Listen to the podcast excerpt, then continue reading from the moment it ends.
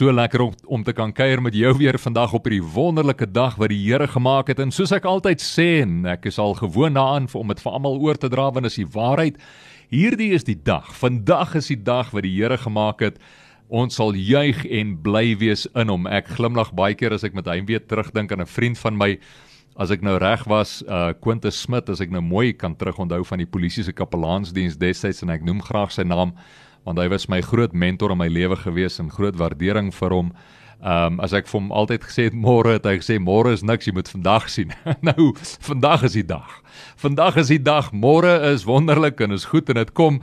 Maar ons het nie môre in ons hand nie en gister is verby. Al wat ons het is vandag en dit is hoekom ek so oortuig is daarvan en almal rondom my wil altyd bly herinner. Vandag is die dag wat die Here gemaak het. Kom ons juig en wees bly daaroor. Carpe diem. Gryp die dag en mag dit werklik vir jou soos wat jy die dag gryp en dit wat die Here voor jou gesit het, mag dit vir jou belewenis en ervaring van die goedheid en die liefde van ons wonderlike liefdevolle hemelse Vader wees. Soos altyd kom ons sluit net gou die oë en ons vra net die Here se seën op die woord.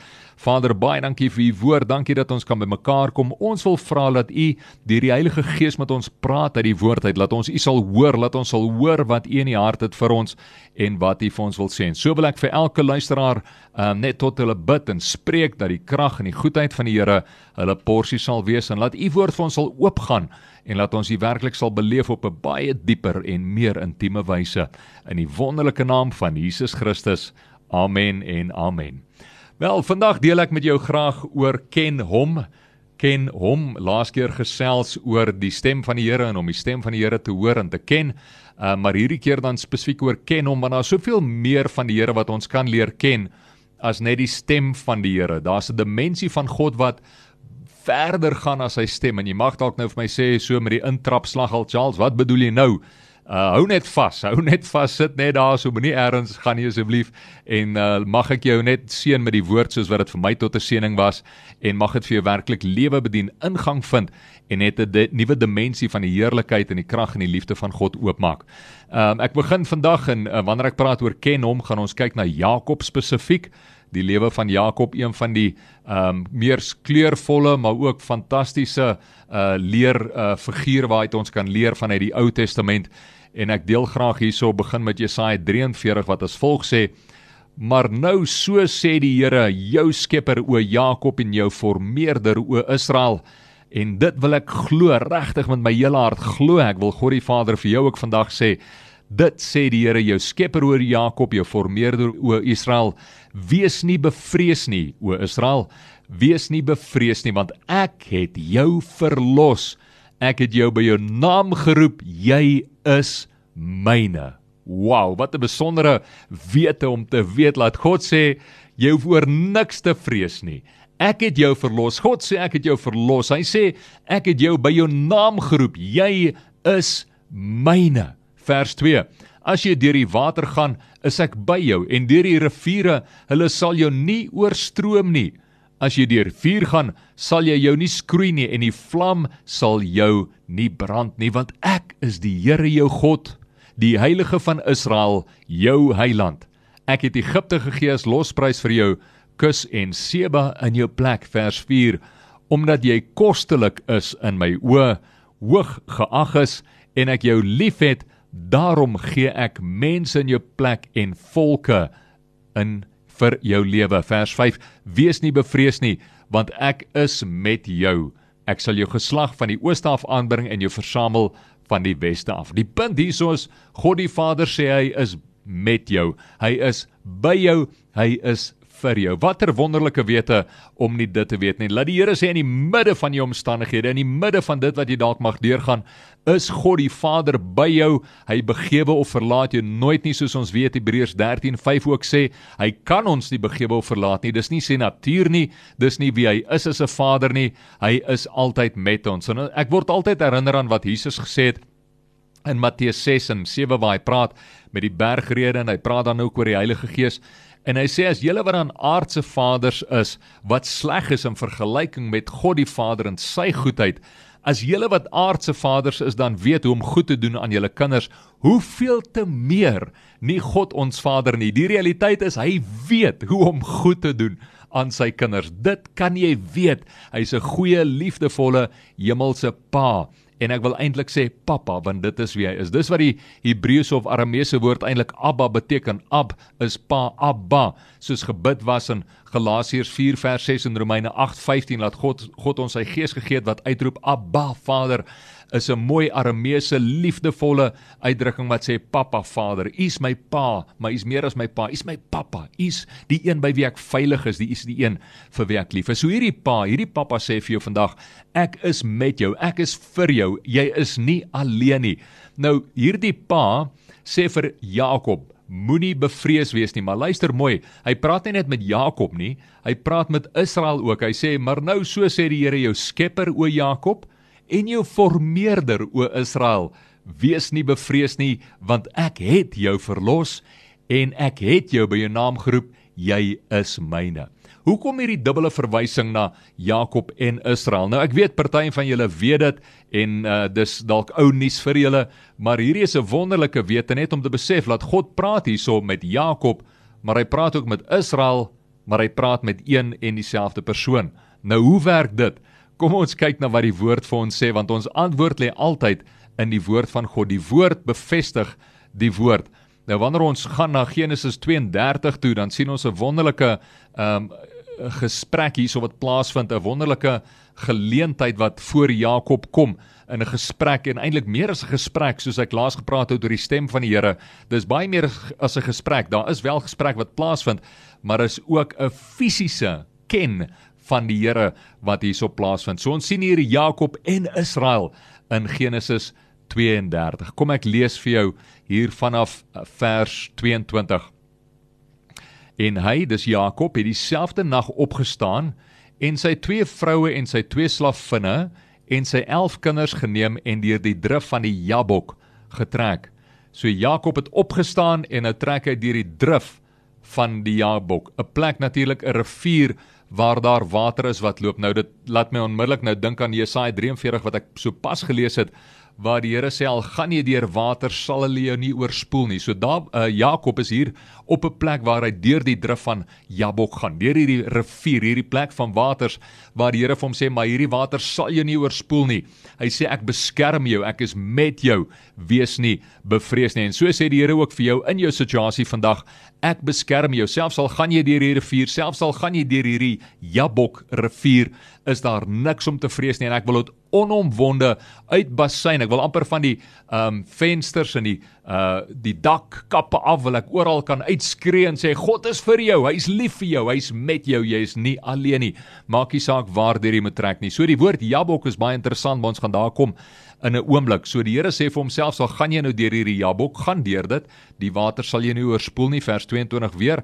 Hy het sy vrou geneem en sy kinders en almal en toe het hy nou deur die Jabok drif getrek. Vers 23. Hy het hulle geneem en hulle deur die rivier laat trek. Deur die rivier laat trek.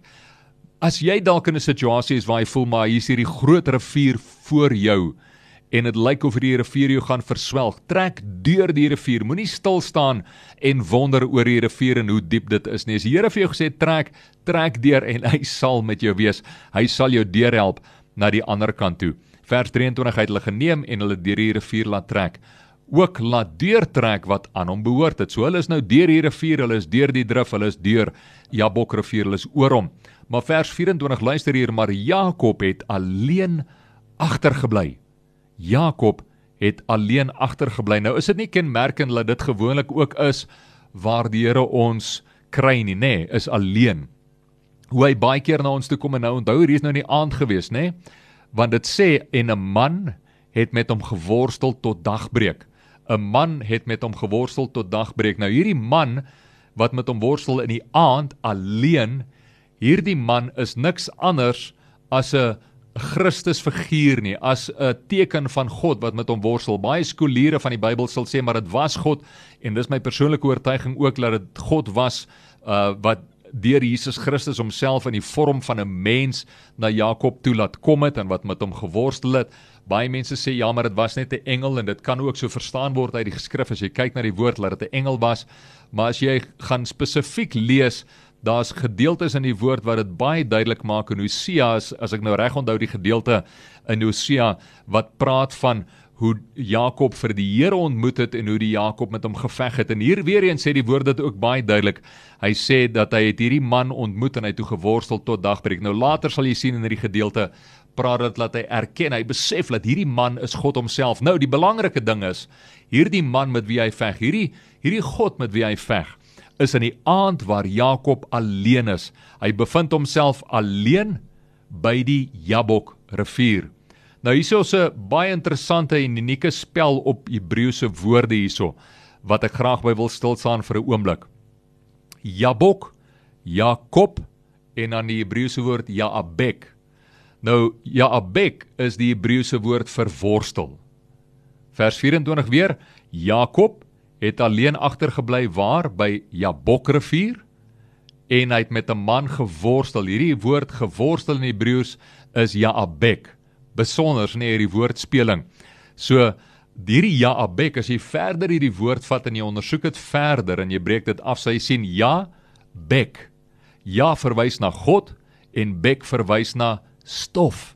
Dit verwys na stoei, worsteling in die stof, maar die konsep van stof, soos wat 'n mens op die grond neerval en jy baklei. Wie van julle kan dalk onthou, wel dalk en iemand van julle het dit gedoen nie, maar ek onthou op skool daar baie keer nie net rugby wedstryde nie, maar ook so nou en dan as 'n ou uh, iemand aan die kraag gegryp het en daai persoon het jou teruggegryp en ou begin begin appel swaai en kort voor lank het jy in die stof gelê, nê. Nee. Dan dis daar klomp uh, stof wat op, opgeskop was en daarom vandag nog sê ons maar moet nou nie stof opskop oor hierdie affære nie. Baie keer het ons aan die baklei geraak oor simpel eenvoudige goed, maar genadiglik was daar rugby en ander kontaksporte wat ons kon help om om ontslae te raak van ons testosteroon as manne. Maar hiersoos Jakob nou in 'n plek by die Jabok en hy's in hierdie stryd, hierdie worstelstryd met Jaabek, God wat met hom veg. So die Hebreëus klink as volg: Jaabek met Jakob by Jabok. Baie interessant, né? Nee? Jaabek by Jabok met Jakob. So is die Here besig om as ja, as God te veg met Jakob. Nou die ander interessante ding is nie net die woord Jaabek nie wat beteken God wat worstel nie. Ehm um, maar soos ek sê ook net die woord as jy die ja wegvat en is net abek dan sien jy die woord stof daarin. So God is in 'n proses en 'n plek waar hy die stof eintlik worstel ook en daarbey sal ek stil staan in 'n oomblik. Maar daai is die een interessante komponent. Die ander een natuurlik is Jakob wat ons weet eintlik beteken bedrieër, die een wat bedrieg want hy het mos nou Esau Esau bedrieg in die lensiesop uh episode onthou daarso wat Esau mos gekom het hy sê is honger gee my die lensiesop en dan sê hy my gee my geboortereg, eersgeboortereg en hoe hy later ook uh vir Esau dan uh, bedrieg en ook by sy pa uh, by Isak is en waar hy die seën ontvang van sy vader. Maar meer as dit is God Jabek nou besig om te worstel met Jakob by hierdie plek. Jakob die bedrieër. Hy is eintlik besig om die bedrieër uit Jakob uit te worstel. Dis wat gebeur. Hy's besig om die vlees, die mens wees dit wat in Jakob swak is en sleg is en almal van ons doen partykeer dinge waar ons val en en nie trots op is nie in plekke waar ons die Here mis. Maar weet jy wat, dis nie wie jy is nie. Dis nie jou identiteit nie. Dis nie die ware jy nie. Die ware jy, die ware ek is nie die Jakob figuur nie. Daar is 'n groter figuur in ons wat natuurlik Christus is en so is die Here baie keer besig om hierdie stof, hierdie stoffelike wese, hierdie vleeslike mens uit ons uit te worstel sodat Israel geformeer kan word en dit is wat ons ook later sien in die hoofstuk maar net weer terug na die name toe so Jabek God wat worstel met Jakob die bedrieër by Jabok. Nou luister hoe interessant is Jabok. Die woord Jabok beteken lediging. Met ander woorde dis 'n plek waar ek leeg raak van myself. Dis 'n plek waar ek uitgegiet raak van myself. Waar ek kom tot die einde van myself. So hierdie God is besig om Jakob die bedrieër uit homself uit te worstel. Hy is besig om die stof uit Jakob se lewe uit te worstel. Nou ons weet die woord sê dit nê, nee, dat ons uit stof gemaak is en ons weet dit is hoe Adam gemaak is en dit is hoe ons saamgestel is vanuit die stof van die aarde en tot stof sal ons eendag terugkeer as die Here nie betyds terugkom en ons in verheerlikte liggame opgeneem word nie. Maar die realiteit is God kom na ons toe as 'n liefdevolle Pappa Vader wat sê ek weet watter plan ek vir jou het, planne van voorspoed en nie teëspoed nie. Hierdie God kom na ons toe en hy sê maar hoorie my seun, my kind, my dogter, ek's lief vir jou en omdat ek lief is vir jou wil ek jou ontmoet.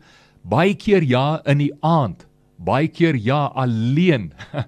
Meeste van die tyd by 'n plek met naam van die Jabok waar daar 'n lediging plaasvind. Waar God so lief is vir ons, waar hy ons sê, "Maar luister, ek wil al hierdie goed uit jou lewe uit kom uithaal." Filippense 3 vers 12 as ek nou die adres reg onthou wat daarna verwys wat sê werk jou eie heil, jou eie saligheid, werk dit uit met vrees en bewing. Nou dis maklik om te sê maar jog, Here, ek kan myself nie verlos nie en jy is heeltemal reg. Ek kan myself nie verlos nie. Jy kan jouself nie verlos nie. Maar wat beteken die woord? Wat bedoel dit daardeur? Dit beteken eenvoudig ons moet die regte besluite neem. So werk uit jou eie saligheid met vrees en bewing dit impliseer eenvoudig dat wanneer die Here praat dan sê ons net ja en amen of ons sê nee vir ongoddelikheid. Uh nou die volgende vers sê dit baie mooi duidelik ook daar in Filippense 3. Hy sê want dit is God wat in jou werk om die wil van die Vader te doen. Dis God homself wat jou in staat stel. So dis die krag van God, dis die heerlikheid van God, dit is sy vermoë, dis nie my en jou vermoë nie, maar ons moet toelaat dat hy kom met sy krag en laat hy die goed in ons lewe kom uitworstel wat hy nie daar wil hê. Nou ja, dit is so en jy kan sê en jy is heeltemal reg, maar hy het dit nie aan die kruis gedoen nie. Absoluut, hy het dit aan die kruis gedoen. Jesus Christus het die volle prys betaal aan die kruis en ons dank die Here daarvoor. Maar kom ons wees nou eerlik tussen my en jou vanaand. Is daar nie dae wat jy deurgaan soos wat ek deurgaan wat ek besef maar wow, hierdie gedagte is nou nie van die Here af gewees nie. Dis nou nie 'n mooi gedagte nie. As ek moet dink aan die Bybelse standaarde en die standaarde wat Christus vir my stel, is hierdie nie eintlik 'n goddelike gedagte nie. So ek weet nie waar hierdie vandaan kom nie, maar dit is nie van God af nie. En dis daar waar Paulus skryf in Romeine 7, hy sê die goeie dinge wat ek wil doen en wat ek moet doen, dit doen ek nie. En die goed wat ek nie moet doen nie, dit doen ek. Nou hy praat dan natuurlik daar van die vlees van die stof, nê? Nee. En dan sê hy maar wie sal my verlos van hierdie sondige bestaan? Dank God sy Jesus Christus, deur Jesus Christus wat my verlos en so het hy ons verlos van hierdie sondige natuur eens en vir altyd. So dank Here ons is verlos. Nou, hoekom hou ek aanhou praat hieroor? Want ons is mos dan nou verlos. So as ons nou verlos is en ons het die nuwe lewe betree wat ons het en ons is uh gesete saam met Jesus Christus in hemelse plekke soos ons is, Hoekom praat ek hieroor? Ek praat hieroor want die realiteit is ons beleef nog elke dag die stof in ons denke, doen ons nie? Ons beleef nog elke dag die vlees wat sy kop uitsteek, doen ons nie? En daarom moet ons omarm en omhels dit wat Paulus skryf van Galasiërs 2:20 dat ek gekruisig is saam met Jesus Christus. Die lewe wat ek nou lewe, leef ek nie meer uit my eie nie, maar ek leef dit deur die geloof van die seun van God wat in my leef. So daardie gekruisigde lewe is presies waaroor dit hier gaan. So ek is besig eintlik net vandag om vanuit 'n Ou Testamentiese perspektief 'n Nuwe Testamentiese realiteit aan jou voor te hou. Die realiteit laat saam met Jesus Christus het hy reeds die sondige vlees en natuur aan die kruis tot die absolute punt van oorgawe en dood geworstel, aan die kruis vasgespijker dat dit nie meer mag leef nie. Maar weer eens, partykeer beleef ons, nê, nee, hierdie stof, hierdie vlees, hierdie goeters wat opstaan in ons lewens. En dan wat ons moet doen is ons moet onsself herinner, soos wat God dan na ons toe kom in die aand miskien partykeer, soos wat hy na ons toe kom partykeer soms wanneer ons alleen is, soos dat hy dalk na ons toe mag kom in die Jabok plek, die plek van lediging, moet ons hom toelaat om daarso deur ons wat worstel as te ware met hom in sy woord en in in gebed En ek praat nie van 'n worsteling in 'n negatiewe sin nie, maar 'n worsteling soos in gryp die Here vas soos die vrou met bloedvloeiing gryp hom vas sê Here ek weier ek gaan nie nie los totdat U my genees het nie. 'n vasgryp van die Here wat sê ek gryp U woord vas want ek glo in die woord ek glo in die realiteit van die woord ek glo in die krag van die woord want U woord soos Hebreërs 4:12 en 13 sê U woord is kragtig en dit sny deur dit onderskei tussen murg en been tussen gees en siel tussen dit wat waar is en dit wat onwaar is. Dis die realiteit van God se woord en die krag daarvan wat ek laas keer so vlugtig ook gedeel het rondom die stem van die Here. Dis die realiteit van hierdie God wat jou en my liefhet. Wat na ons toe kom in die aandtyd, wat na ons toe kom in die alleentyd, wat na ons toe kom by die plek van lediging waar ons tot die einde van onsself kom. Waar hy sê maar my kind, ek's lief vir jou, maar kom ek help jou. Kom ons raak ontslaaf van daai gedagtes. Want sê die woord nie tog immers en dit is so nê, nee, soos 'n man dink in sy hart so is hy en so doen hy nie. Want wat ek dink, dit praat ek en wat ek praat, dit doen ek. Partykeer gaan my doen vinniger as my praat nê. Nee. Maar die beginsel bly, dit wat in my kop opkom is éventueel dit wat by my mond uitgaan of is dit wat ek doen. En daarom wil die Here ons verlos van hierdie denke wat baie keer nie in lyn is met sy woord nie. So ja, ons is reeds saam met Jesus Christus uh gesete saam met hom in die hemelse plekke. Ons is reeds deur die kruis van Jesus Christus dood aan onsself. Dis nie meer ons wat leef nie, maar Jesus wat in ons leef. Maar dis die posisionele realiteit, nê? Nee.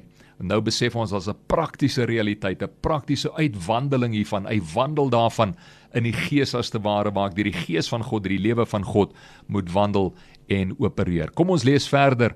Ehm um, ons het nou nog net kon kyk na vers 23 waar die worstelstryd nou plaasvind vers 24. Vers 25 sê en toe hy dit is nou die man, dis eintlik God, toe hy sien dat hy hom nie kon oorwin nie, toe slaan hy God of Jesus Christus hom op sy heupbeen sodat die heupbeen van Jakob uit lid geraak het in die worsteling met hom baie interessant, nê. Nee, in hierdie stryd sal jy dalk ervaar dat daar's 'n klomp dinge wat jy verloor.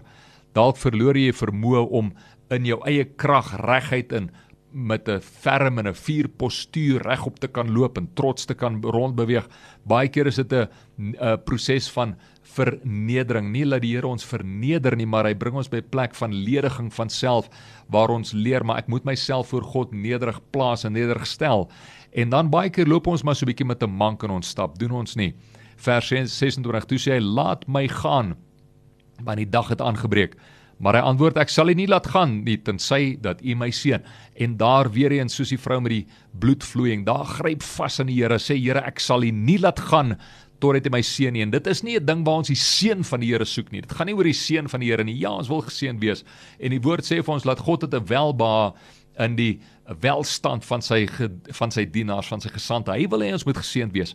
Maar dis nie die primêre boodskap wat hy wil oordra nie. Dit gaan nie primêr daaroor nie. Dit gaan primêr oor God wat sê, "Maar ek wil hê jy moet my ken. Jy moet my lewe ken. Jy moet my krag ken wat in my leef en tot jou beskikking is." Soos 1 Petrus um, 3 as ek nou reg onthou praat van dat hy ons alles gegee wat ons nodig het vir 'n goddelike lewe, vir geregtigheid. Alles wat ons gegee het, nodig gehad het gegee vir 'n geseënde lewe. En dis wat God sê, hou vas aan my, gryp my aan.